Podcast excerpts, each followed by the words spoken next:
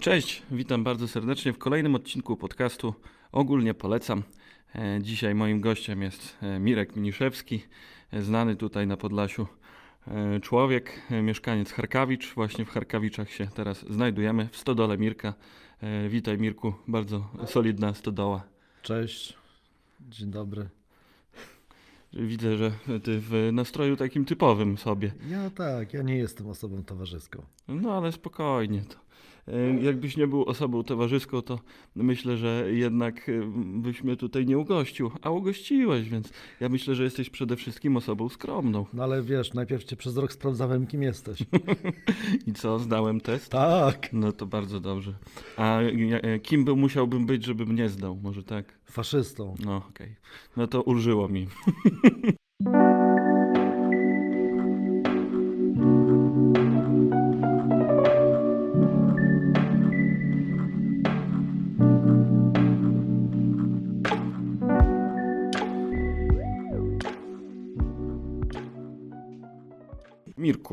Ty jesteś człowiekiem y, wielu talentów, y, wielu zajęć też. Y, Ty jesteś pisarzem, tak? No, dużo powiedziane. To właśnie może będę wymieniał, a ty zaprzeczaj, jak- Dobrze. jakbym przesadził. Dobrze. A czemu nie pisarzem? To tam dwie książki napisane, mm, w sumie to więcej, ale dwie książki y, literackie i tam kilka naukowych, co to tam znaczy. A właśnie, ja nie czytałem tej twojej naukowej Nie twórczości. czytaj, nie czytaj, nie, nie. A o czym masz te naukowe?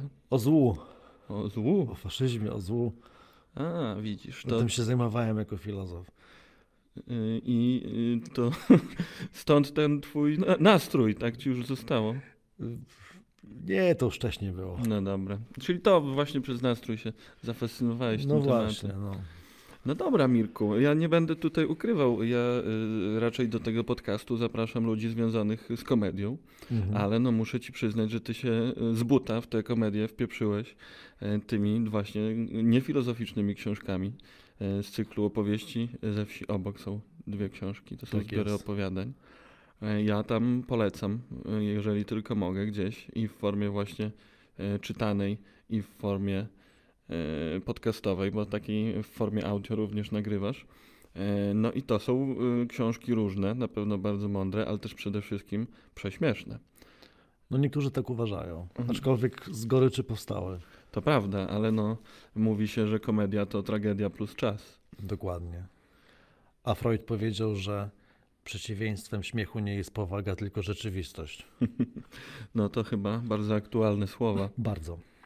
No to słuchaj Mirku, e, warto by było e, zapytać w ogóle, co ty tutaj robisz w tych Charkawiczach, e, poza pisaniem tych książek.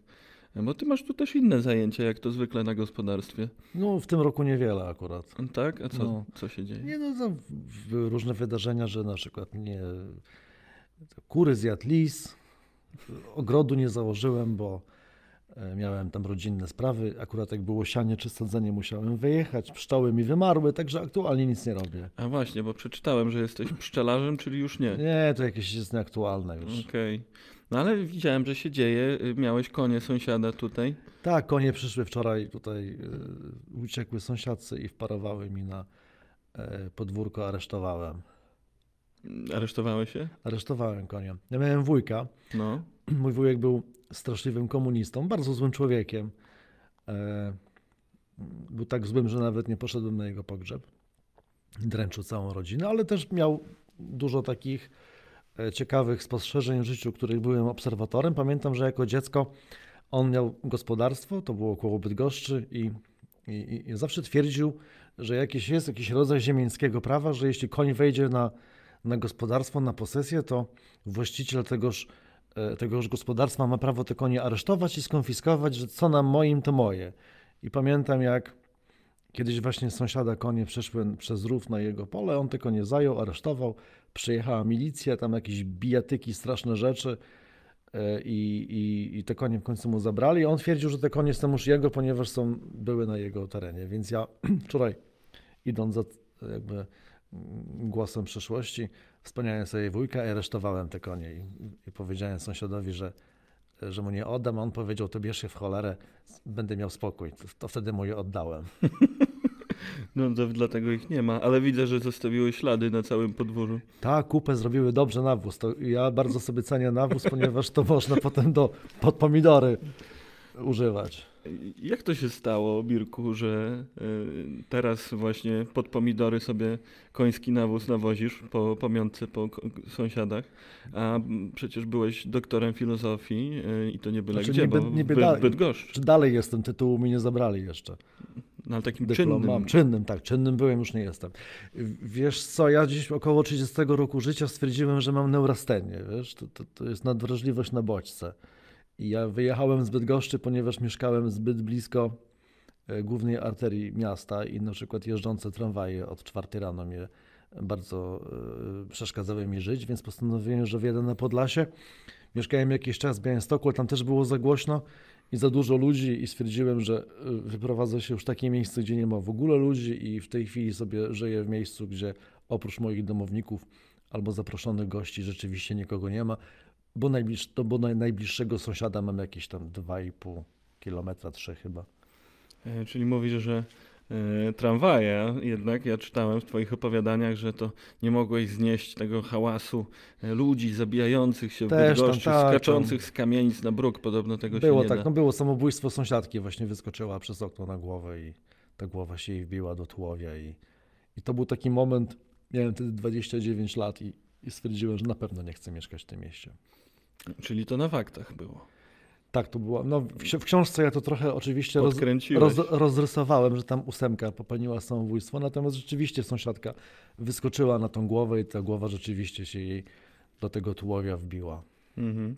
No to tutaj ja gadam z wieloma stand-uperami i bardzo często e, opowiadają właśnie ze sceny rzeczy prze, przezabawne, nawet taki czarny humor, a potem jak się z nimi gada, to się okazuje, że to haha, hi, hi, ale to na faktach wszystko jest E, i słusznie. Wiesz co, mi się wydaje, że w ogóle, że osoba, która zajmuje się tworzeniem literatury, no stand-up też jest rodzajem literatury, nie oszukujmy się, tak? Wszyscy, narracji, każdy rodzaj narracji tak, jest jakimś tam rodzajem literatury, czy opowiadania świata, życia, opowiadania o ludziach, więc, więc y, ym, y, nie wydaje mi się, żeby wszystko mogło y, wyłonić się tylko z czystej wyobraźni. Z czystej wyobraźni to jak Platon twierdził, tylko trójkąt się może wyłonić i prawa nim rządzące, a myślę, że gdzieś też, gdzieś człowiek jest zarażany tymi wszystkimi rzeczami i to, to potem owocuje w postaci takiej przetworzonej, takiej no, zapośredniczonej przez humor czy literaturę, ale myślę, że każdy twórca musi inspirować się jednak rzeczywistością i, i ludźmi. Mhm. Innej drogi nie ma. Ja miałem tu paru takich gości, co e, mieli dużo wyobrażeń o trójkącie, ale to nie wiem, czy o to chodziło Platonowi. Natomiast no tak, jak najbardziej. Bardzo mi się podobało w tym opowiadaniu, którym zresztą otwierasz swoją książkę, że właśnie za tym kryła się chęć tutaj przeprowadzki na Podlasie, że tutaj ludzie już z kamienic nie skaczą, tylko się po cichu porządnie wieszają, po Wieszają, prostu. tak. I to, to już nie jest takie traumatyczne. Z, taką, z takim szacunkiem do siebie nawzajem. Myślę, że tak, No, inaczej. Inne życie, cichsze tak. i inna śmierć. E, Dobra, Mirku. Właśnie chciałem pogadać o Twoich opowiadaniach, bo one robią niemałą furorę. Ja jestem wielkim popularyzatorem. ja lubię czytać na imprezach nawet ludziom. Ojej. Zresztą ja słyszałem, że to się zdarza nie tylko u mnie. No cieszę się, że to ma taką e, pragmatyczną e, funkcję. Chyba po to to jest też napisane, tak? Mhm. Znaczy, ja się cieszę, ja się cieszę z tego, że mi to wyszło. Ja w ogóle tego nie, zamier- nie zamierzałem zrobić. To ja byłem przekonany, że do końca życia będę pisał nudne, filozoficzne e, książki, jakieś takie pierdoły na, na punkty do habilitacji, które już na szczęście nie muszę robić, bo nie pracuję na uczelni. Ale e, byłem przekonany, że właśnie, że będę pisał takie poważne rzeczy. A tutaj, jak się przeprowadziłem na Podlasie, to gdzieś ta zimowa szarość, e, ołowiane niebo i krótkie, krótkie dni sprawiły, że wyobraźnia mi zaczęła pracować i wyrzucać to wszystko, co dziś, czym wcześniej nasiąkła. I, I zacząłem tak po prostu niby to dla beki pisać takie historyjki na, e, na Facebooku i okazało się, że to się bardzo ludziom podoba. Naprawdę nie miałem do tego, ani nie byłem do tego przywiązany, ani nie miałem o tym zbyt dobrego zdania. Natomiast chyba po dwóch albo trzech, po trzech latach w końcu mnie przyjaciółka namówiła, żebym to wydał, a wydałem to y, z bardzo prozaicznej y, przyczyny, mianowicie z głodu. Y, Po, ponieważ moja uczelnia, na której pracowałem, już niech nazwa jej pozostanie ukryta, nie będę się pastwić. Już nie ma tej uczelni, została zlikwidowana. Przestała po prostu mi wypłacać pieniądze, ponieważ nie mieli się. Pieniądze skończyły w kasie i nie było na wypłaty. I to było jakoś latem. Ja miałem jakieś raty do spłacenia, jakieś kredyty. Mieszkałem tutaj na, na, w oddaleniu od, od cywilizacji. I postanowiłem, że tą książkę, że, no, że wydam tą książkę, że ona, przyjaciółka namawiała, weź wydaj, sprzedaż tego od razu, tam nie wiadomo ile. Ja y, jakoś tak do tego bardzo sceptycznie podszedłem, ale dobrze zrobiłem to, ponieważ ma, jeden z moich też zawodów jest drukarz. Pierwszą szkołę, jaką skończyłem, to była szkoła poligraficzna, zawodówka. Też wcześniej zajmowałem się jakimiś tam takimi rzeczami związanymi ze składem publikacji, więc sobie tą książkę szybciutko złożyłem. Zrobiłem okładkę, bo trochę umiem też rysować.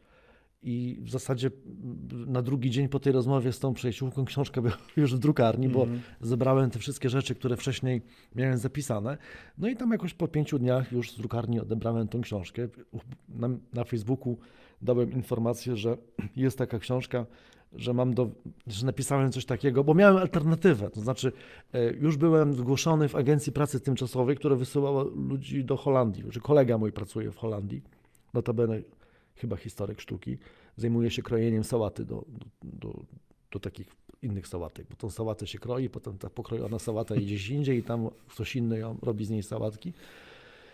No i właśnie ja mówiłem tej przyjaciółce, że jadę kroić sałatę, a ona mówi, jaką kurwa sałatę, wydaj tą książkę. No więc nie wyjechałem, zre- zrezygnowałem z tej, z tej sałaty w Holandii i, i w zasadzie tą książkę, jak opublikowałem na Facebooku informację, że ona już jest, no to tam te pierwsze chyba 200 egzemplarzy, które zamówiłem, sprzedałem w ciągu pierwszej godziny. Wspaniale. tak, tak to, tak to było. No i potem to tak już poszło, nie? To jest bardzo ciekawe, bo gadałem niedawno z Abelardem Gizą, który również wydał ostatnią książkę i bardzo podobną, no może bez tej sałaty, ale bardzo podobną metodą jak ty, też własne wydawnictwo, e, własne rysunki, no, no nie do końca jego, jego Tak. córka trzyletnia e, zrobiła mu rysunki. A bo to jest dzisiaj jedyny sposób, No. żeby żyć z literatury, ponieważ wydawnictwa, wszystkie dokładnie wydawnictwa, y, y, mogą zaproponować początkującemu, debiutującemu autorowi 5% od kwoty sprzedanych egzemplarzy. Czyli, Słyszałem o tym. tak, więc, więc to są jakieś śmieszne pieniądze, więc trzeba naprawdę wiele tysięcy tych książek sprzedać, żeby móc z książki zacząć się utrzymywać. Więc dla wielu całkiem fajnych pisarzy, którzy korzystają właśnie z pośrednictwa wydawnictw, to może być tylko działalność hobbystyczna. Mogą sobie, nie wiem, zarobić na, na, na, na waciki albo na jakąś wy- wycieczkę do sąsiedniego województwa.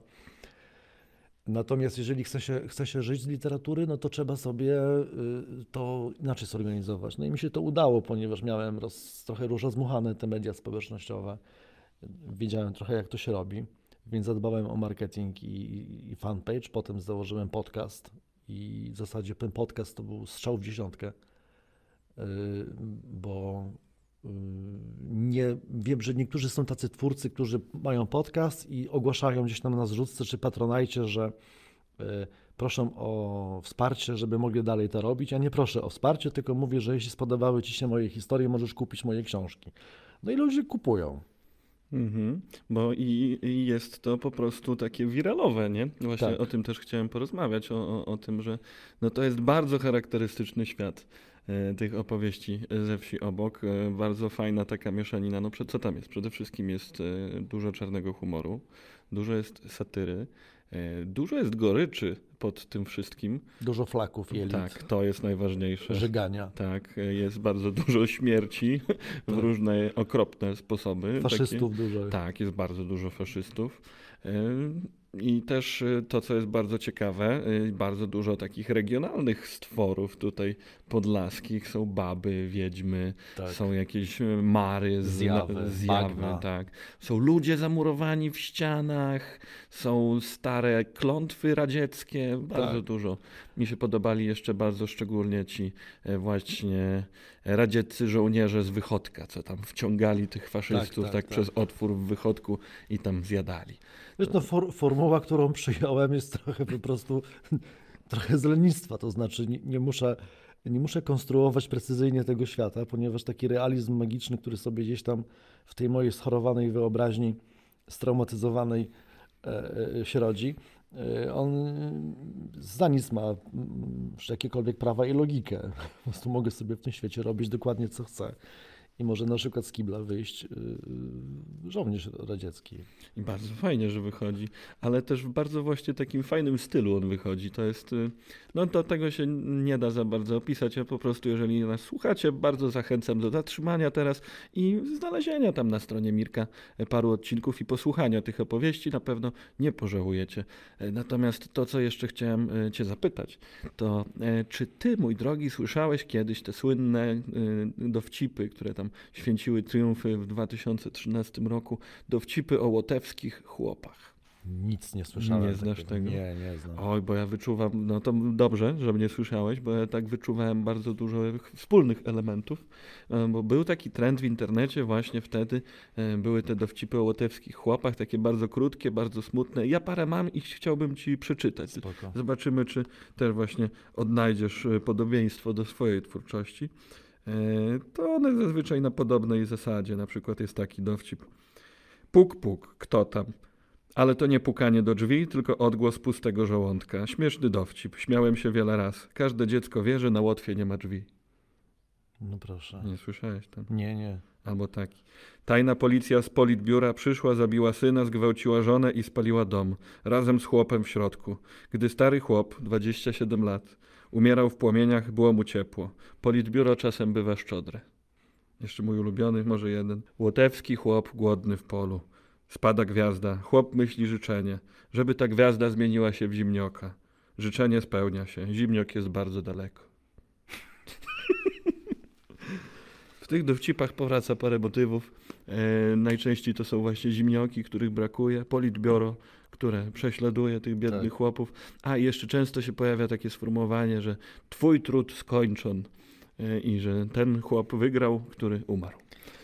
Czy wiesz, ja się jednak w mojej, w mojej twórczości pastwię się nad złem.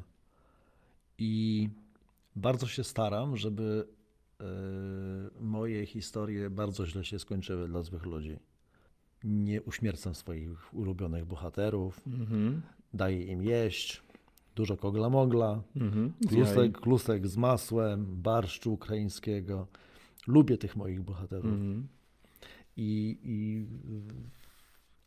a nienawidzę faszystów i pastwię się nad nimi. To prawda, tam jest dużo takiej sprawiedliwości, to takiej, o, nie Taki- wiem, i, i, I natura jest sprawiedliwa, Tak. i ludzie są sprawiedliwi, i okrutni w tej sprawiedliwości. No tak, no, żyjemy w takich czasach. No. No ale natura też jest okrutna w twoich opowiadaniach i taka straszna. Chociaż to prawda, no raczej złych ludzi ten Tak. zły, zły los nie spotyka. Ale dobrymi się opieku, opiekuje. No dobrze. Y, W takim razie y, chciałem jeszcze przejść do y, jednego opowiadania, które szczególnie zapadło mi w pamięć twojego, a które mam wrażenie ostatnio nabrało zupełnie nowego znaczenia, albo po prostu y, jak to no, sam powiedziałeś, nie wiadomo czego. Y, Chodzi mi o opowiadanie o uchodźcach. Tak, tak sam się zdziwiłem Uchodźcy ze wsi obok, to kiedy ty to napisałeś? W zeszłym roku? w zeszłym roku. E, I o czym jest to opowiadanie? No o tym, że w, latem w potworną burzę, to już taki bardziej jesień, taka pogranicze lata i jesieni, od strony bagien, od strony granicy, pośród grzmotów idą uchodźcy. I wyglądają bardzo, bardzo dziwnie. Mają takie e, szerokie łuki brwiowe, bardzo toporne rysy twarzy, ale są bardzo mili, ale są zziębnięci i, i głodni. I przychodzą do pani Wali. Pani Wala jest jedną z moich ulubionych bohaterek. Pani Wala im daje jakieś ubrania, jest też pan Gienek. Pan Gienek daje im 100 złotych. Ale u pani Wali przebywa e, letnik na kwaterze. Tylko nie wiem, czy to będzie, nie wiem, czy to, czy to będzie e, No tak. czy no, jestem w stanie oddać jakby ten charakter tego, tego opowiadania. No w każdym razie Letnik twierdzi, że to, że, to, to, to, że to nie są ludzie. To znaczy są ludzie, ale nie tacy jak my, ponieważ on jako biolog e, e, stwierdza, że to są neandertalczycy, że oni mają cechy takie antropomorficzne e, neandertalczyków. i, i że ma informację o tym, że to już dawno podobno na Syberii odkryto tych neandertalczyków, którzy tam są straszliwie prześladowani przez, przez władze i przez cerkiew i oni uciekają, bo tam ich mordują. I pani Wala twierdzi, że nie należy wierzyć temu letnikowi, ponieważ on jest narkomanem i cały dzień rozmawia z drzewami. jak to narkomani mają w zwyczaju. E, natomiast no to, co chyba jest najistotniejsze, czyli jak mają w tym naszym kraju ci uchodźcy. No tak, że ich łapie Straż Graniczna, prześladuje i tłucze. I, i potem na, na koniec, yy, jak już ci uchodźcy poszli w stronę województwa, to przyjeżdża Straż Graniczna i pyta pana Jenka, czy, czy widział kogoś, bo było przekroczenie granicy. A on powiedział, że żeby sobie lepiej jakąś porządną robotę znaleźli, taką, która nie upadla człowieka. Mhm. E, To jest e, niesamowicie profetyczne e, opowiadanie, ponieważ, no, jak wspomniałeś, napisane w zeszłym roku, a bardzo wiele fragmentów jakby pokryło się z tym, co miało miejsce w ostatnich tygodniach. Ty nawet wspominałeś o helikopterach, które latają i tak, Tak. ziemia drży i plomby w zębach. Mi-24. I co, tutaj też latały, widziałem. Latają co noc po kilkanaście razy. Jak tylko się robi ciemno, od miesiąca latają śmigłowce tak Ale- 50-100 metrów nad głową. Naprawdę? Tak. To jest niesamowite. No tak, bo tutaj jesteśmy jakieś 800 metrów od granicy, nie? Ja, ile mamy do Usnarza? Do Usnarza dwa w linii prostej jakieś 2,5-3 km, samochodem to około 4, bo tam są bardzo kręte drogi. Czyli Usnarz to poniekąd wieś obok. To jest wieś obok, No. dokładnie. Oczywiście nie ta, bo kiedyś pytałem cię, gdzie leży ta wieś obok A swoich nikomu nie, po, książek. nikomu nie powiem, gdzie ta wieś jest. No, zapytałem cię, gdzie leży ideologicznie, pamiętam. Tak. I bardzo mi się podobało, że powiedziałeś, że to jest jakieś skrajne lewactwo na pewno. Ale w każdym razie, no, y, niesamowite to jest, że ty tutaj uciekłeś z tej Bydgoszczy na koniec świata do tej wsi obok i tworzyłeś, y, no, co, bądź co bądź jednak fikcyjne światy. Tak. A nagle tutaj się okazuje, że rzeczywistość dogoniła cię bardzo mocno, e, bo ty jesteś też jedną z tych osób, e, która pierwsza była e, tam na miejscu w Usnarzu i była świadkiem tego, co tam się dzieje z tą grupą uchodźczą, która tam już koczuje. Który dzień teraz? No, to będzie już prawie 20, miesiąc. ponad 20 dzień chyba. Już zgubiłem rachubę, bo to każdy dzień jest tak wypełniony różnymi wydarzeniami, że ciężko się zorientować dokładnie, kiedy to było. No, w każdym razie jest to sytuacja surrealistyczna. e, To się stało bardzo szybko. E, Cały czas się dzieje. E, Teraz nawet, kiedy rozmawiamy, jest godzina e, 18. Jesteśmy już po wprowadzeniu stanu wyjątkowego. Do północy musisz opuścić moje gospodarstwo. Dokładnie tak i to nie jest żart. E, To nie jest żart. Dowiedzieliśmy się o tym w momencie, kiedy przyjechałem tutaj do Mirka i zaparkowałem samochód. Mirek właśnie Tak. stał z telefonem i tymi słowami nas powitał. E, w każdym razie, no nie wiem, co mi grozi, jakbym nie opuścił. Czy dopóki cię nie znajdą, to nic. Mhm. No to stodoła jest całkiem ładna, tak jak już mówiłem, ale chyba jednak Znaczy ja myślę, że to w razem. najmniejszym stopniu będzie dotyczyło takich ludzi jak ty tutaj. Rzeczywiście będzie ciężko tu wjechać, natomiast w największym stopniu y, y, dotyczy to całej tamtej grupy aktywistów i dziennikarzy, którzy są w Usnarzu i na bieżąco y, relacjonują, co się tam dzieje, a oprócz tego no, sprawują pewnego rodzaju społeczną kontrolę nad tym, co tam, co tam się odbywa, albo mówiąc po prostu wprost, co tam się odpierdala. Mhm. Y, Bo to jest po to, po to jest ten stan wyjątkowy wprowadzony. Znaczy, no, moim zdaniem tak, dlatego że tutaj jak przejedzie się granicę, cały ten odcinek, to jest ten, ten odcinek, który jest poddawany presji ze strony y, Łukaszenki, który tutaj wyrzuca tych uchodźców, to jest jakieś około 180 kilometrów, podczas Mhm. gdy cała granica z Białorusią to jest 418 kilometrów. Ja często jeżdżę, bo byłem na przykład wcz- przedwczoraj czy wczoraj, nie pamiętam, już w Kuźnicy, to praktycznie się jedzie drogą, cały czas widać, widać yy, słupki graniczne i, teraz już ten płot z tego drutu kolczastego. Tam się nic nie dzieje. Tych, mm, przez, przez mm, jakieś dwa, trzy tygodnie temu była największa presja. To rzeczywiście tych ludzi było tutaj sporo uciekających. E, Ja nie lubię słowa uchodźcy. Ja wiem, że taką ewolucję przeszedłem, bo na początku się mówiło nielegalni imigranci. Nawet, Mhm. nawet prasa, która jest po naszej stronie, używała tego sformułowania. E, e, Potem, potem jakby ktoś tam wyjaśnił z tych aktywistów, że nie istnieje coś takiego jak nielegalny imigrant, tylko istnieje uchodźca.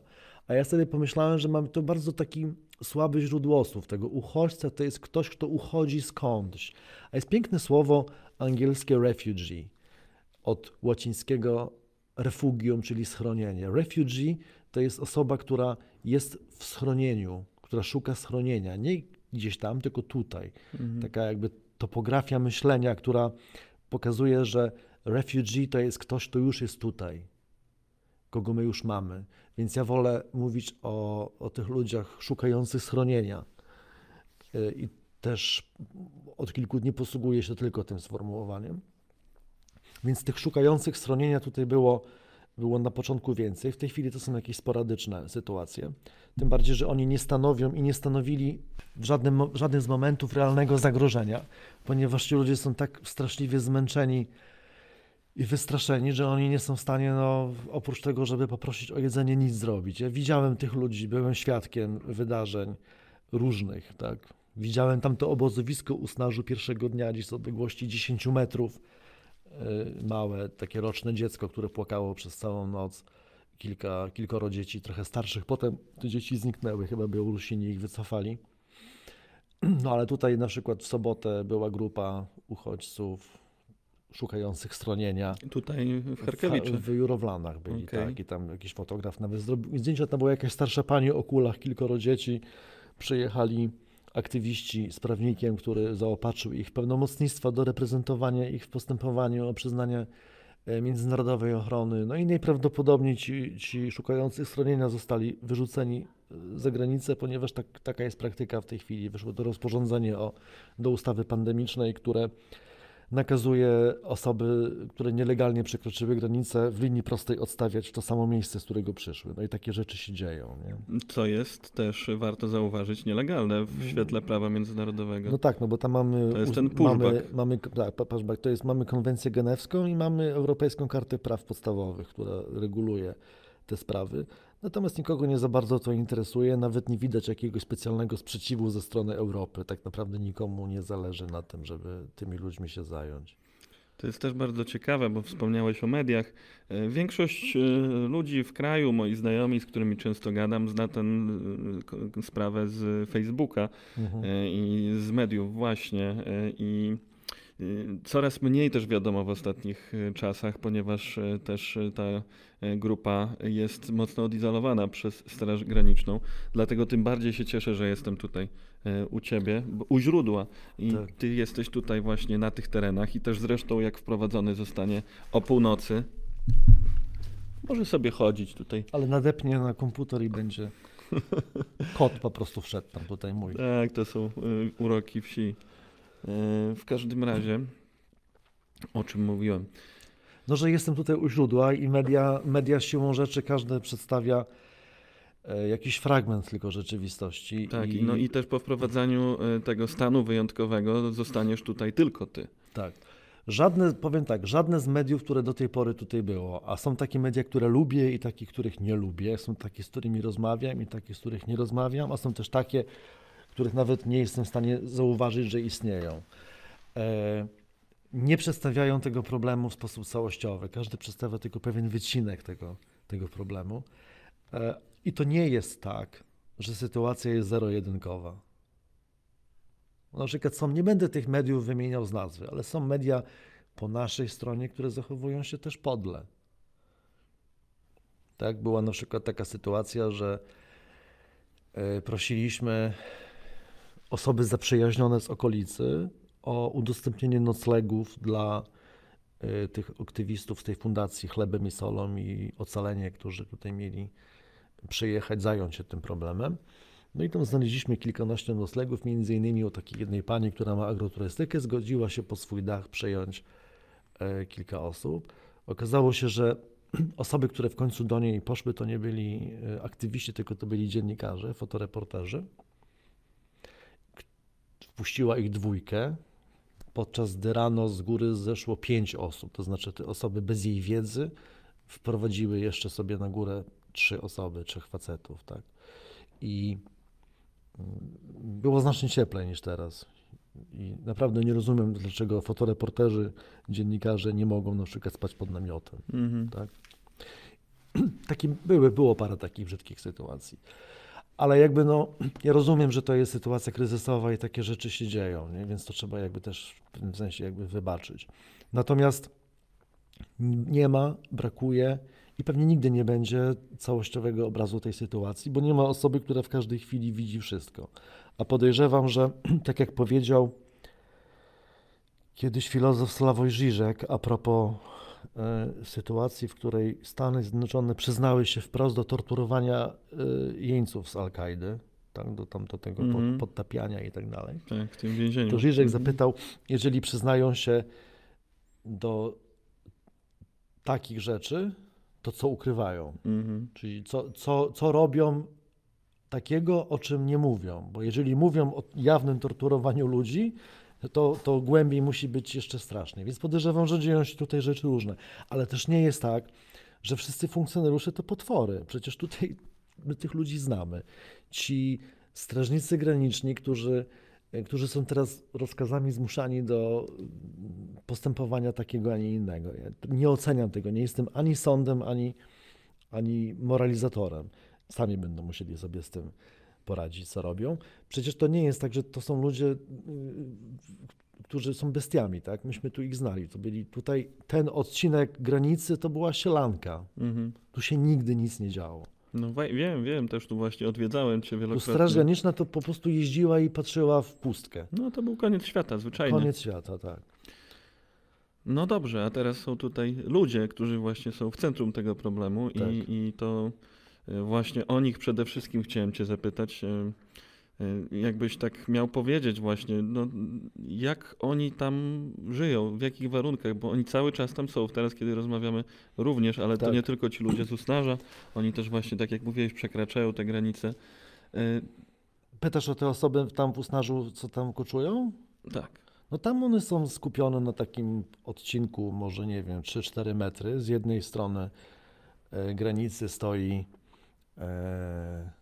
szpaler funkcjonariuszy białoruskich, a z naszej strony stoją nasi pogranicznicy i wojsko i te osoby nie mogą przejść ani w jedną, ani w drugą stronę. Czyli nie mogą wrócić wbrew sugestiom niektórych mediów, które mówiły, że tego- Białorusini pozwalają im się wycofać. Z tego, co my się tam orientujemy i co ustalili tłumacze, którzy są na miejscu, od kilkunastu dni przybywają cały czas te same 32 osoby. Na początku było osób 50, około 50, więc te, te, te kilkanaście osób y, prawdopodobnie matki z dziećmi pozwolono wycofać, no bo to jednak y, było zbyt drastyczne nawet jak dla y, faszystów białoruskich.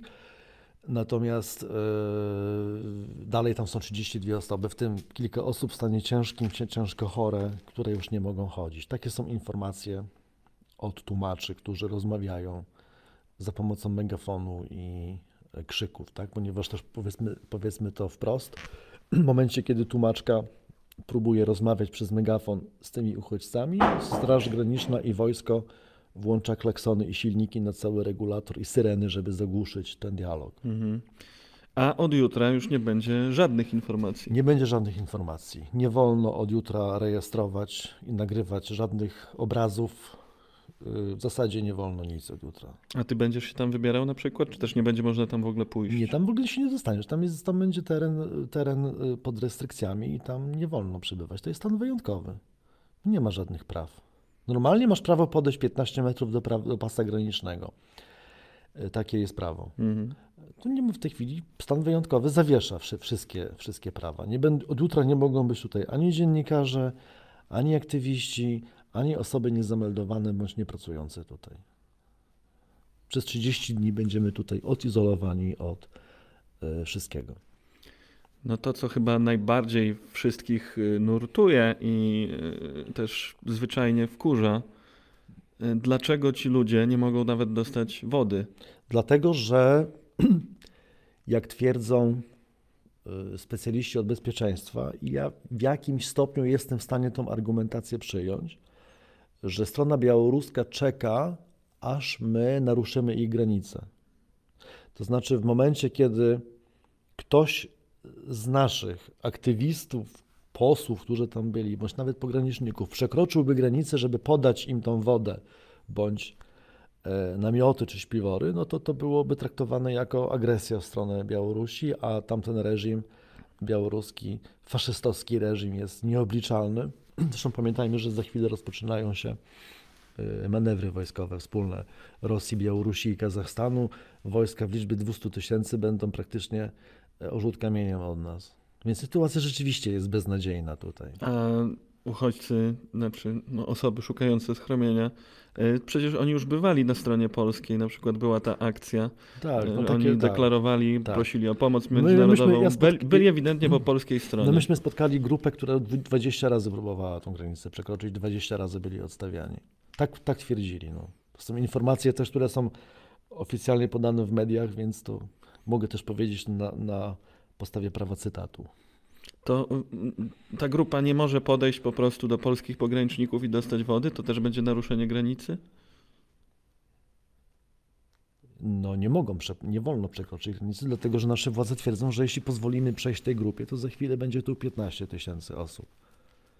A nie mogą przyjść po wodę po prostu, zwyczajnie? Nie, nie mogą.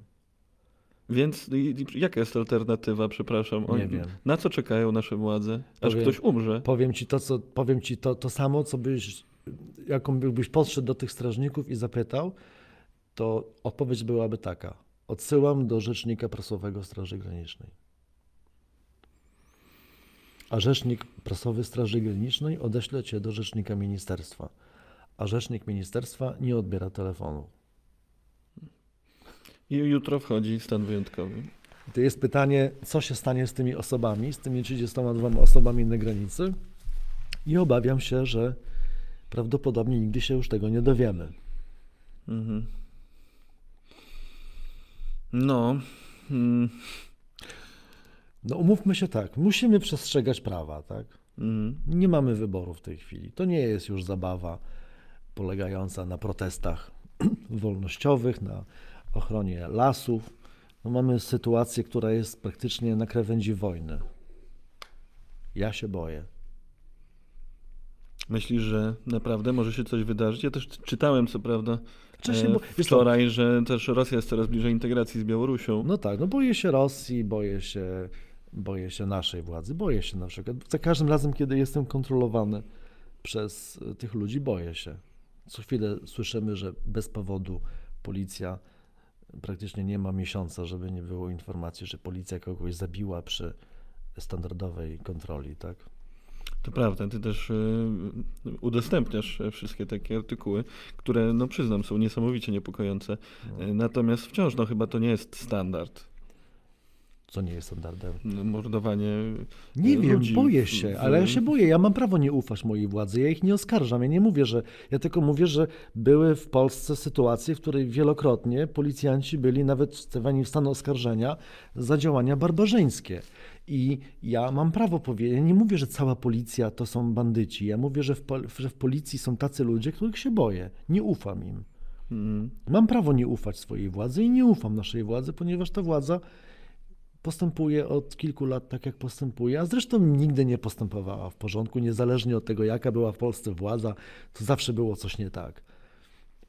Jak to wpływa na Twoją twórczość? Bo zresztą zawsze lubiłeś e, krytykować władzę e, i Wiesz co, mam po prostu- wyśmiewać po prostu, co, mam- a teraz nagle, czy nie brakuje Ci języka po prostu, kiedy coś, co jeszcze niedawno było satyrą, nagle widzisz, widzisz że faktycznie dzieje się na Twoich oczach, no, że to, to są trochę surrealistyczne rzeczy. No są, ale mam wrażenie po prostu, że od dziecka, jak tylko się urodziłem, urodziłem się za czasów komuny, który też był, też był reżimem faszystowskim.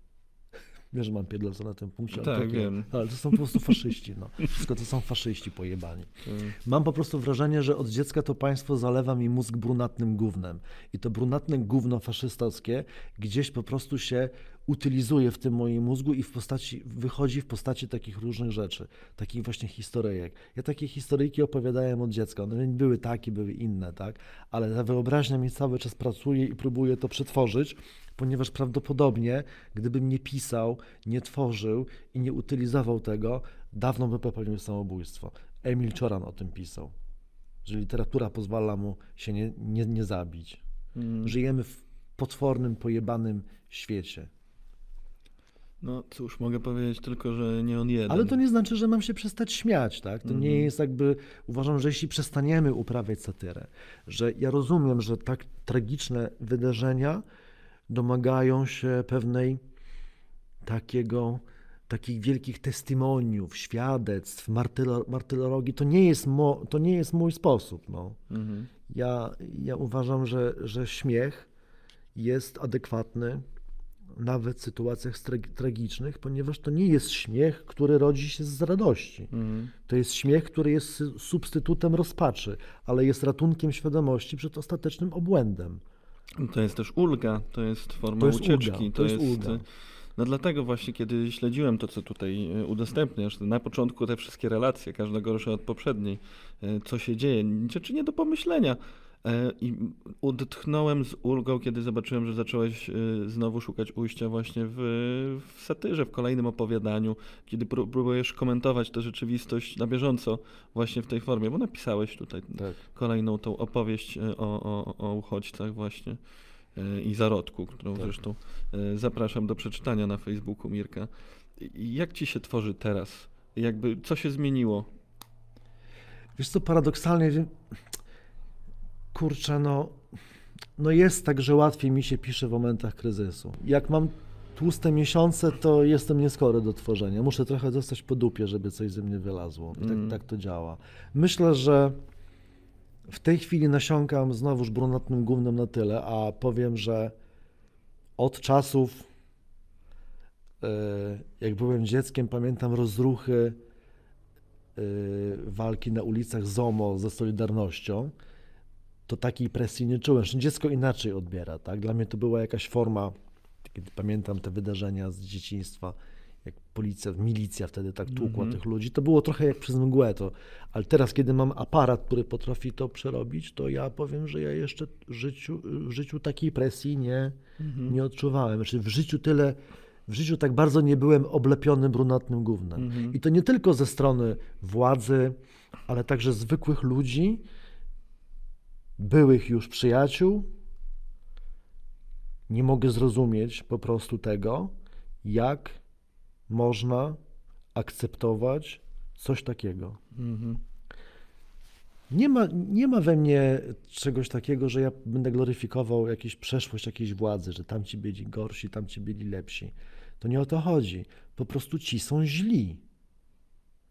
Bo czym innym jest władza, która jest cwana, jest pazerna, natomiast władza, która zmusza ludzi do wyboru między dwoma rodzajami zła, jest władzą potworną, bo bo człowiek w normalnej sytuacji ma możliwość i ma prawo podjąć decyzję i wybierać między dobrem a złem. Natomiast e, w tej sytuacji, w której my się teraz znajdujemy, kiedy nam się mówi, że próbując informować świat o tym, co się tutaj dzieje, pracujemy, jesteśmy rosyjskimi agentami, lewackimi degeneratami, którzy nie rozumieją, czym jest e, e, wartość, jaką jest ojczyzna i tak dalej, że musimy chronić tych granic. To jakiś idiota może takie coś stwierdzić, ponieważ nikt z nas nie kwestionuje tego, że granice są pewnym faktem. Ja nie wiem, czy one są potrzebne. Żyjemy w takim świecie. Oczywiście byłoby łatwiej, gdyby tych granic nie było, ale żyjemy w tak pojebanym świecie, że z jakiegoś powodu te granice są. I o ile nie potrzebujemy dzisiaj granicy między Niemcami a Polską, to między Polską a Białorusią No tak. potrzebujemy tej granicy jak nigdy wcześniej. Nie Ja się trzeba bym- być geniuszem, ja żeby się, ją tak, kwestionować. ja się bym cieszył, gdyby tutaj stanął mur wysoki na 50 metrów. Mhm.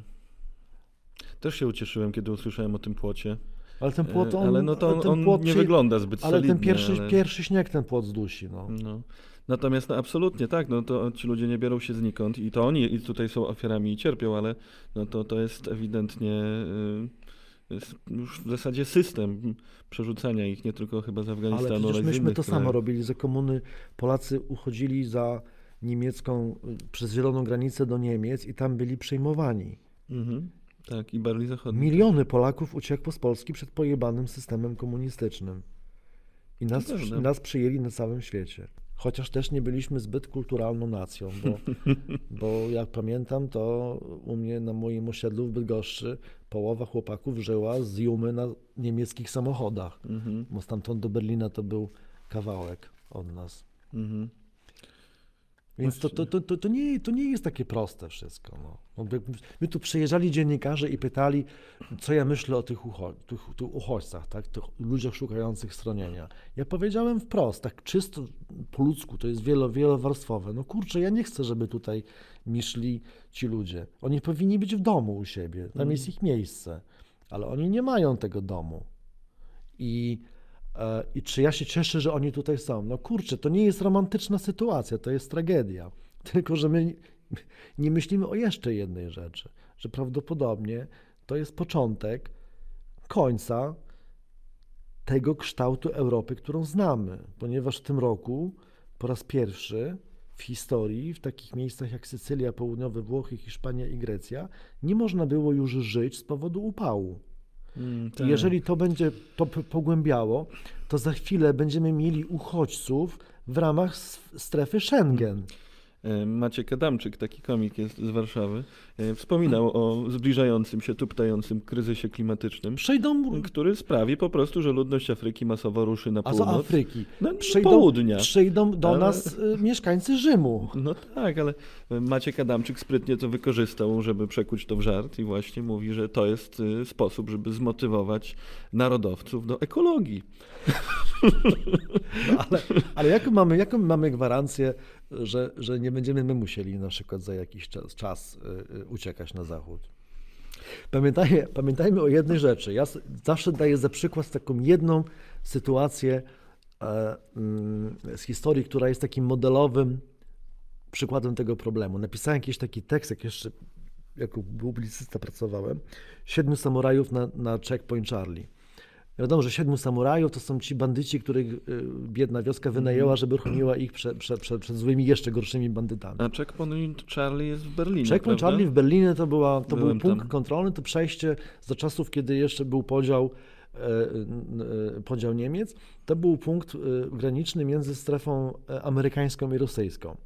I ja tam bywałem, bo ja jako jeszcze za komuny pamiętam te ostatnie lata Checkpoint Charlie, ale wcześniej, w momencie, kiedy, w dniu, kiedy zaczęto stawiać mur berliński, po stronie so- sowieckiej stanęły, stanęły czołgi i żołnierze, i po stronie amerykańskiej stanęły czołgi i żołnierze.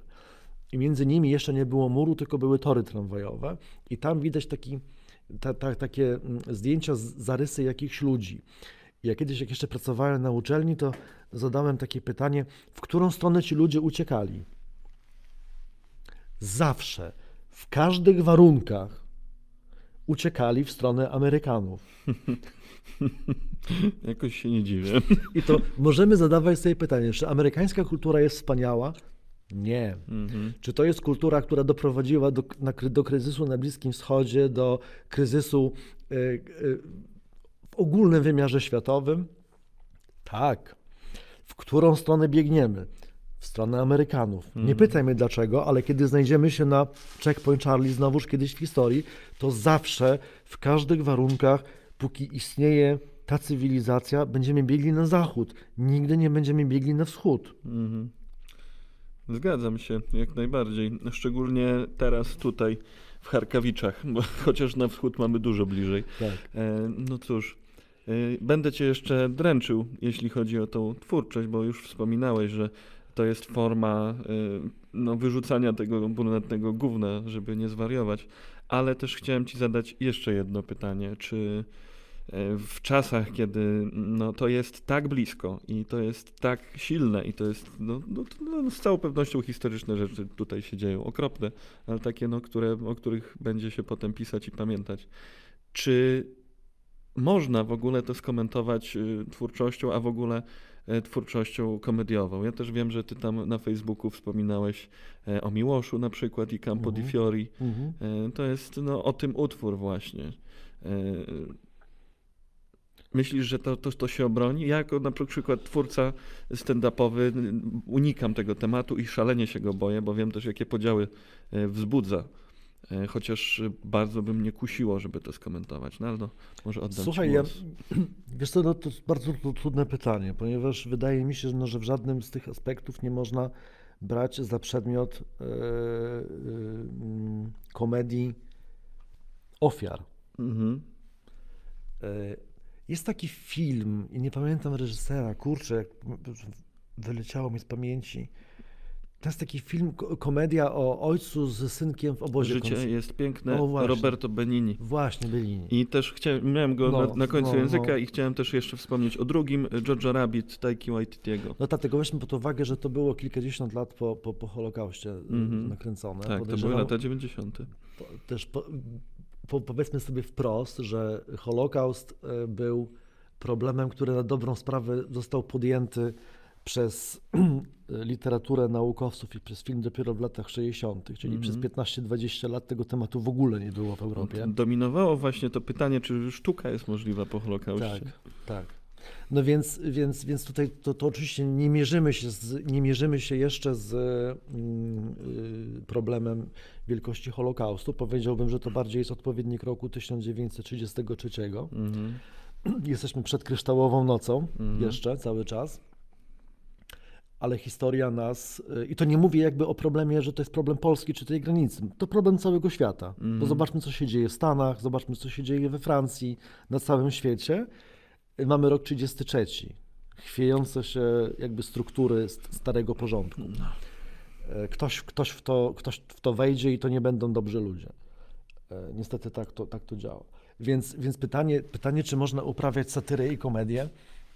Wiesz, no, kurczę, no Grecy to wymyślili. Ten podział na, na e, komedię i tragedię też jest dosyć umowny.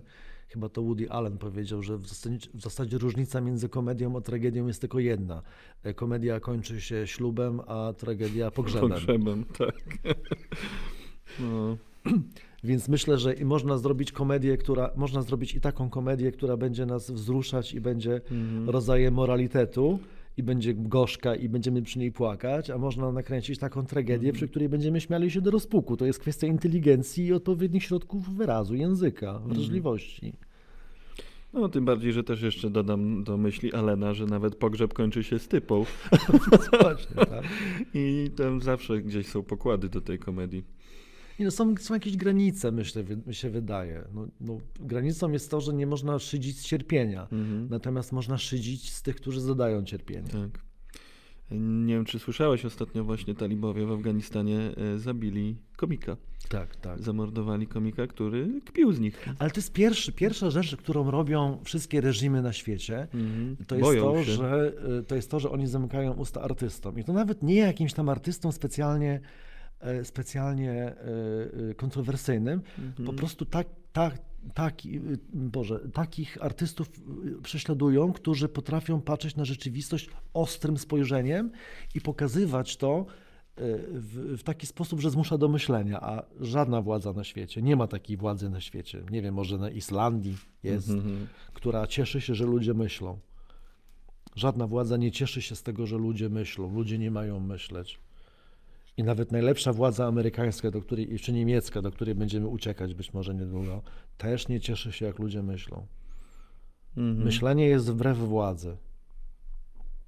Ponieważ wiedza, myślenie daje człowiekowi wiedzę, a jak powiedział Michel Foucault, wiedza jest władzą. Jak powiedziała Cersei Lannister w grze o tron, bijąc człowieka, który powiedział jej, że wiedza jest władzą, nie, nie pomyl się, władza jest władzą. No tak, tylko no ale, tak, to no dobrze, nie tak. będę się kłócił z Foucault, ja kłócić. tylko mówię, że Cersei Nie, no, wie, Lannister. wie, no tak, ale to była suka po prostu. tak zdegenerowana, że Hitler przy niej to. To prawda. to tak, tak. Podejrzewam, że nawet Hitler miał jakieś. potrafił się wzruszać. Ona nie. Hitler chciał Chaplina podobno zaprosić No do właśnie, siebie, żeby mu tak. robił propagandę, ale Tak. Chaplin mu chyba bardzo ładnie podziękował i powiedział, że jest Żydem też i żeby się jebał. Jest nawet też taka, taka historia, która też ma pewien wymiar komediowy, to znaczy był taki e, amerykański biegacz, sprinter Jesse Owen Mm. i on na Mistrzostwach Świata w, e, na, Igrzyskach Olimpijskich w Berlinie w 1936 roku e, zdobył złoty medal. Mhm. I e, poszła plotka, że Hitler bardzo, bardzo tam był e, niezadowolony. To jest nieprawda. E, Leni Riefenstahl była świadkiem tego zdarzenia. Hitler bardzo, bardzo mu się spodobał ten bieg i e, ponieważ protokół nie przewidywał tego, żeby Führer z- złożył gratulacje złotemu medaliście na Igrzyskach Olimpijskich, to go zaprosił do siebie potem i wręczył mu e, swoje zdjęcie z dedykacją. I Jesse Owen po, potem o latach pytany o zweryfikowanie tego, czy Hitler go źle potraktował, on powiedział, że to nieprawda, ponieważ Hitler zaprosił go do siebie do gabinetu, bardzo miło potraktował, podarował mu zdjęcie, natomiast żaden z prezydentów amerykańskich nigdy nie zaprosił go do siebie do, z powodu złotego medalu, ponieważ był czarny. Mhm. Ale i tak biegniemy do Amerykanów. To prawda, nie, nie ma wątpliwości. E, cóż, no, e, tylko że czasami Amerykanie mogą spierdolić, zanim my w ogóle zaczniemy ruszać. Ale wiesz, dlaczego uciekamy do Amerykanów? Bo oni mogą spierdolić jak bardzo chcą, tylko oni nie mogą pozbyć się jednej wady, e, wady, która oczywiście przy, przysłuży się do końca ich systemu. Oni nie są w stanie zlikwidować wolności słowa Mhm, tak. i nie są w stanie zlikwidować dobrego humoru. Amerykanin zawsze będzie na luzie. Nawet jeśli będą mieli najbardziej chujowego prezydenta, to tam i tak będzie wolność słowa i tam możesz robić stand-upy. To prawda, to prawda, właśnie stąd się to wzięło. Nawet gdyby tam był kurwa taki reżim, że nie wiadomo co, Mhm. to stand-upy zawsze będziesz mógł tam robić, a ja będę mógł tam pisać. To prawda. To wszystko jest prawda. No tak, no bo chyba ktoś tam po prostu stwierdził, że y, brak wolności słowa się nie bardzo opłaca. Tak, oni wymyślili system, który po prostu tak działa. Tak? To jest to Mhm. reżim, w którym możesz oczywiście, on zniewala cię kapitalistycznie, musisz tym stand-upem zapierdalać na ten dom, który będziesz spłacać do starości, Mhm. ale możesz to zrobić, możesz spokojnie się wyspać i możesz mówić co chcesz, ponieważ i tak nikogo to nie interesuje. Na tym polega właśnie potęga systemu amerykańskiego, że gówno ich obcho- obchodzi, co ty masz do powiedzenia. Mhm. Natomiast faszyści, fa, faszyzm ma to do siebie, że on chce kontrolować twoje myśli, ponieważ oni nie przerobili jeszcze lekcji amerykańskiej. Mhm. Ty nie podciągasz zbyt wielu różnych po prostu chujowych zachowań pod faszyzm? Oczywiście, że tak. To jest po prostu faszyzm jako... To jest tak, to jest, to, jest, to jest taki zbiornik, do którego wrzucam całe, całe złotego świata. Tam są wszyscy po prostu pojebańcy, Mhm. popaprańcy. Czyli co, mówisz, że nie ma co się ograniczać z nazywaniem ludzi faszystami? Nie. Po nie. prostu trzeba być przekonanym, Że że faszyzm- to nie jest człowiek, z którym chcesz tak, usiąść do faszyz- stołu. Faszyści to są ludzie, którzy są nadmiernie zainteresowani, e, zainteresowani życiem prywatnym innych osób, w ogóle życiem innych osób. Mają tak prawdopodobnie chujowe własne życie, że muszą się karmić życiem innych Mhm. ludzi.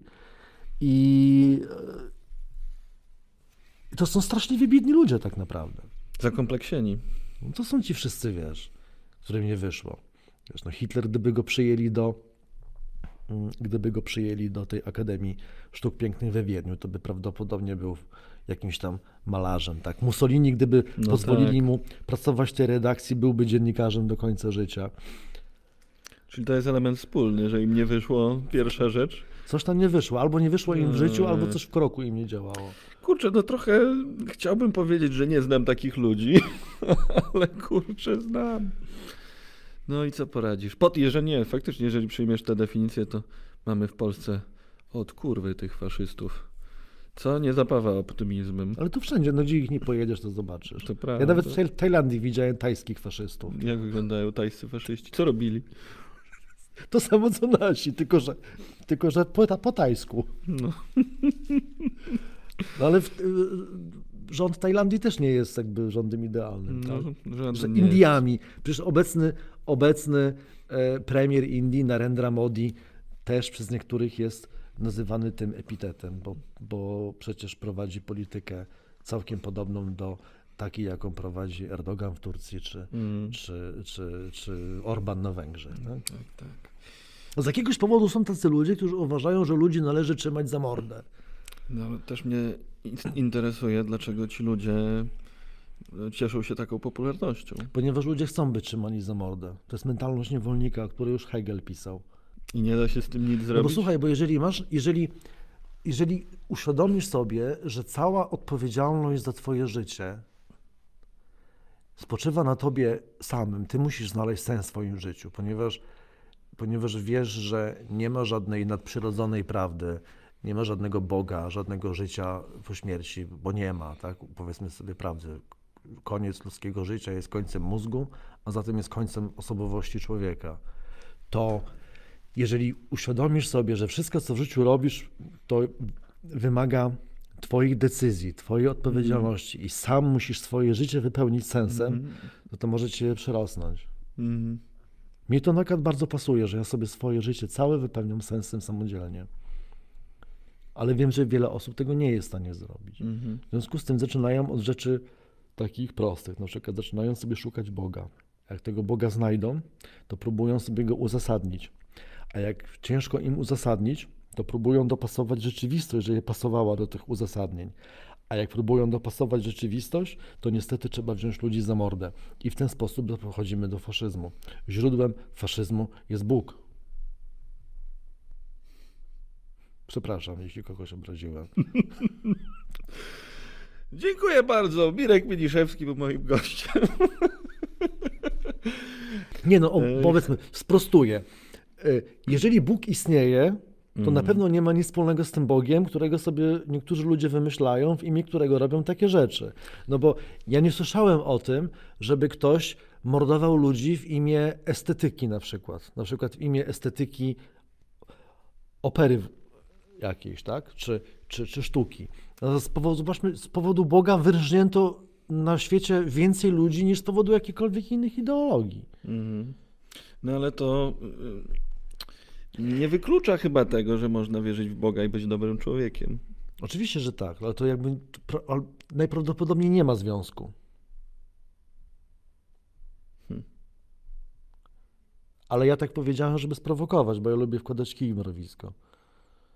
I, I jakby no, to chodzi o to, że no nie chodzi o to, że ja oskarżam teraz wszystkich ludzi wierzących Boga o to, że są faszystami. Nie o to mi chodziło. Chodziło mi o to, że jeśli przyjmujemy narzuconą jakąś nam z zewnątrz wizję jakiejś sprawiedliwości, która nie jest nasza, jeżeli e, próbuje i mamy problem z tym, bo widzimy, widzimy, że to kurczę nie działa, tak? No mamy te wszystkie piękne religie, jak poczytasz, to one w założeniach są super, nie?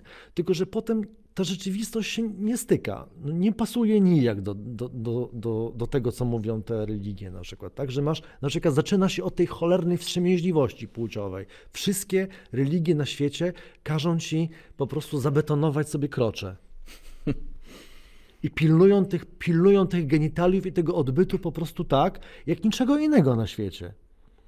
Mordy tak nie pilnują, możesz żreć co chcesz, ale już do dupy sobie nie możesz wkładać, na co masz ochotę. Z jakiegoś powodu. I hamuje się, hamuje się ten, ten, y, ten, ten popęd, a zahamowane popędy y, no nie sprzyjają zdrowiu. Mhm. I potem próbujesz, widzisz, że to nie działa, widzisz, że nijak się ma pragnienie bycia na przykład dobrym, pragnienie kochania wszystkich ludzi i próbujemy dopasowywać tą rzeczywistość do, y, do siebie i widzimy, że dalej to nie idzie, więc tworzymy ideologię i ten Bóg, nawet jeśli on jest prawdziwy, on przestaje być prawdziwym Bogiem, staje się jakąś fikcyjną postacią, którą obarczamy swoimi własnymi kompleksami i mamy uzasadnienie, że tak się stało, ponieważ Bóg tak chciał. Zrzucamy tą odpowiedzialność z siebie samych na jakiś rodzaj religii, właśnie przykazań i tak dalej, bo ja już kurwa nie muszę podejmować decyzji, bo ktoś inny ją podjął. Mhm. Bo tak zostało napisane. Że nasz te władze, które są tak, te władze, które tak, przecież one są z Bogiem blisko, z biskupami są blisko, na całym świecie. To wszystko jest blisko, tak? Więc skoro oni tak robią, to widocznie tak musi być. Mhm. Wiem o co ci chodzi. E, Jest taki serial też Rickiego Gervaisa, Afterlife. Opowiada o człowieku, który zmaga się ze śmiercią żony. E, Ja jednocześnie jest gorliwym ateistą. E, I w pewnym momencie taka wierząca koleżanka w pracy zadaje mu pytanie: Jeżeli Boga nie ma, to co cię powstrzymuje przed robieniem tych strasznych rzeczy, tych obrzydliwych rzeczy, których Bóg ci zakazuje? I on odpowiada po prostu: No, ja nie mam potrzeby robić takich rzeczy, bo to jest to jest niemiłe, to jest, No to właśnie. jest zło. To, to, to, to nie potrzebuje Boga, żeby robić dobre rzeczy. A już najbardziej No. mnie rozpierdala, jak po prostu gdzieś słyszę, że ateiści to są ludzie niezdolni do refleksji moralnej. Że jakby jedyna moralność, jaka jest możliwa, to moralność religijna. Ja pierdolę, to w takim razie ja powinienem być jakimś seryjnym mordercą, jakoś po prostu Mhm. potworem powinienem być. No natomiast, żeby też oddać tutaj y, trochę racji wierzącym, skoro ich tu nie ma, ja lubię dopuszczać różne strony do głosu, no to chciałem powiedzieć, że z całą pewnością można też na wizji Boga budować wspaniałe rzeczy. Można I zn- mam budować. też takich znajomych, Można, gdzie ale nie- absolutnie jest taka korelacja, gdzie e, Oczywiście. wiara pomogła im wyjść z różnych złych miejsc w swoim życiu i po prostu no, przerastała ich y, swoja własna codzienność, więc budowali na tym, że jest coś y, silniejszego, y, mocniejszego od nich samych. Oczywiście, przyznaję się do tego, że to jest prowokacja i to oczywiście jest, to miało dużo, to miało bardzo duży ładunek ironii, co powiedziałem, że odpowiedzialny za faszyzm jest Bóg. Proszę to czytać we właściwy sposób. Podobnie jak we właściwy sposób, Natomiast- kiedy mówisz o faszyzmie w Tak. ogóle, bo to nie jest No faszyzm właśnie. No, encyklopedyczny. no właśnie. Chodzi po prostu o to, że jeżeli czynisz zło, to chociaż nie wycieraj sobie swojej brunatnej, faszystowskiej mordy ideą Boga. Pod tym się jestem w stanie podpisać w 100%. Mirku, będziemy kończyć powoli. No. Dziękuję Ci bardzo za rozmowę. Mam jeszcze parę spraw na koniec. Przede wszystkim e, to, o czym trochę tutaj zapomnieliśmy, a może po prostu były inne rzeczy warte poruszenia. Jest to taki podcast, w którym polecamy rzeczy, Mirku. Rzeczy, jakie rzeczy? E, Najczęściej jakieś popkulturalne, A, e, dzieła kultury, ale nie mam wątpliwości. Polecam serial Człowiek z Wysokiego Zamku na podstawie powieści Filipa Dicka. O. Oglądam ten serial, na Amazonie. ale można go znaleźć też na popularnym serwisie za darmo. Tak, bardzo popularny serwis. Bardzo popularny serwis za darmo. W każdym razie jest to film, który, e, który e, mnie rozwala, bo ja bo sobie jest w nim dużo faszystów. Ja sobie to oglądam, ale zobacz, jak oni są tam pokazani niejednoznacznie. Film ma się bardzo, bardzo luźno nawiązuje do powieści y, Dicka i muszę powiedzieć, o ile bardzo lubię Dicka, to serial jest ciekawszy od jego książki. Jest znacznie lepiej zrobiony, znacznie lepiej są psychologicznie zbudowane postaci, intryga ma o wiele większy ładunek. Natomiast kiedy oglądam tego, te, oglądam ten serial, to po prostu no, no jest korespondencja, kurczę, z tym, co się dzieje teraz na świecie. No i on jest bardzo niepokojący. Ja Bardzo też może niepokojący. przybliżę. To jest wizja Stanów Zjednoczonych, y, który to jest rok? 50? 60. 60. Y, W tym świecie Hitler wygrał wojnę. Japończycy I Japończycy I podzielili- podzielili Stany tak, na pół. na pół. I widziałem pierwszy odcinek tylko, a Tak. faktycznie był, był mocno, mocno e, wstrząsający. I, I no, świat wyglądałby okropnie, gdyby naziści wygrali. Ale, Ale właśnie, z ale, drugiej ale, strony- ale, ale potem jak się brnie w ten serial dalej, to widać, nie że byłby nawet, aż tak różny. że te postaci, nawet ci faszyści, oni są pokazani właśnie w taki sposób, że kurczę, no nie są pokazani tak jednowymiarowo jak w mojej, w moich historiach, bo jednak umówmy się, u mnie figura jest pewną faszystą, jest pewną kukłą, Mhm. którą walę kijem, tak, żeby wyładować złość. To nie jest, y, to nie jest tak, że ja nie zauważam w tych, y, w tych ludziach człowieczeństwa. Posługuję się, y, posługuję się takimi narzędziami i innymi, bo mi to pasuje w mojej formie. Ale w tym, w tym filmie faszyści są pokazani właśnie w sposób wielowymiarowy i w bardzo ciekawy sposób pokazany jest sam Hitler. A bo on żyje. Nie, nie dotarłem do tego. W tym, w, tak, no, Hitler jest człowiekiem z Wysokiego Zamku. Mhm. Jak czarnoksiężnik z krainy Oz. Tak, no ja czekam, bo skończyłem oglądać pierwszy, pierwszy sezon. Tam się na końcu pojawił Hitler. Nie będę zdradzał, ale jestem ciekawy, co będzie dalej, bo to jest Mhm. naprawdę bardzo fajne. Dobrze, no to zachęciłeś się na pewno obejrzę No. teraz. Nieźle. No dobrze. Dziękuję Ci bardzo za rozmowę, Mirku. Dziękuję. Mam nadzieję, że e, cóż, e, nie tylko moi fani, ale też e, YouTube ją doceni. Pytanie, czy to coś, co nagrałeś tutaj, możesz teraz udostępnić poza, bo stan wyjątkowy zabrania rejestrowania czegokolwiek. No to stan wyjątkowy na szczęście zaczyna obowiązywać dopiero za 5 godzin. Nie, on już obowiązuje. Obowiązuje od godziny, od godziny y, 17, bo wtedy opublikowano w y, Dzienniku Ustaw. Natomiast dali, dali taki ultimatum, że y, dziennikarze opuścili ten teren. Natomiast my przemawiamy teraz z przestrzeni objętych stanem wyjątkowym. No to całe szczęście, że ta twoja stodoła to tylko była taka figura i znajdujemy się w moim mieszkaniu. nie, nie, w ogóle nas tutaj nigdy nas tutaj nie było. Ten kod to wiecie, to, to zmywarka. Dziękujemy bardzo serdecznie. Dzięki. Moim gościem był Mirek Miniszewski.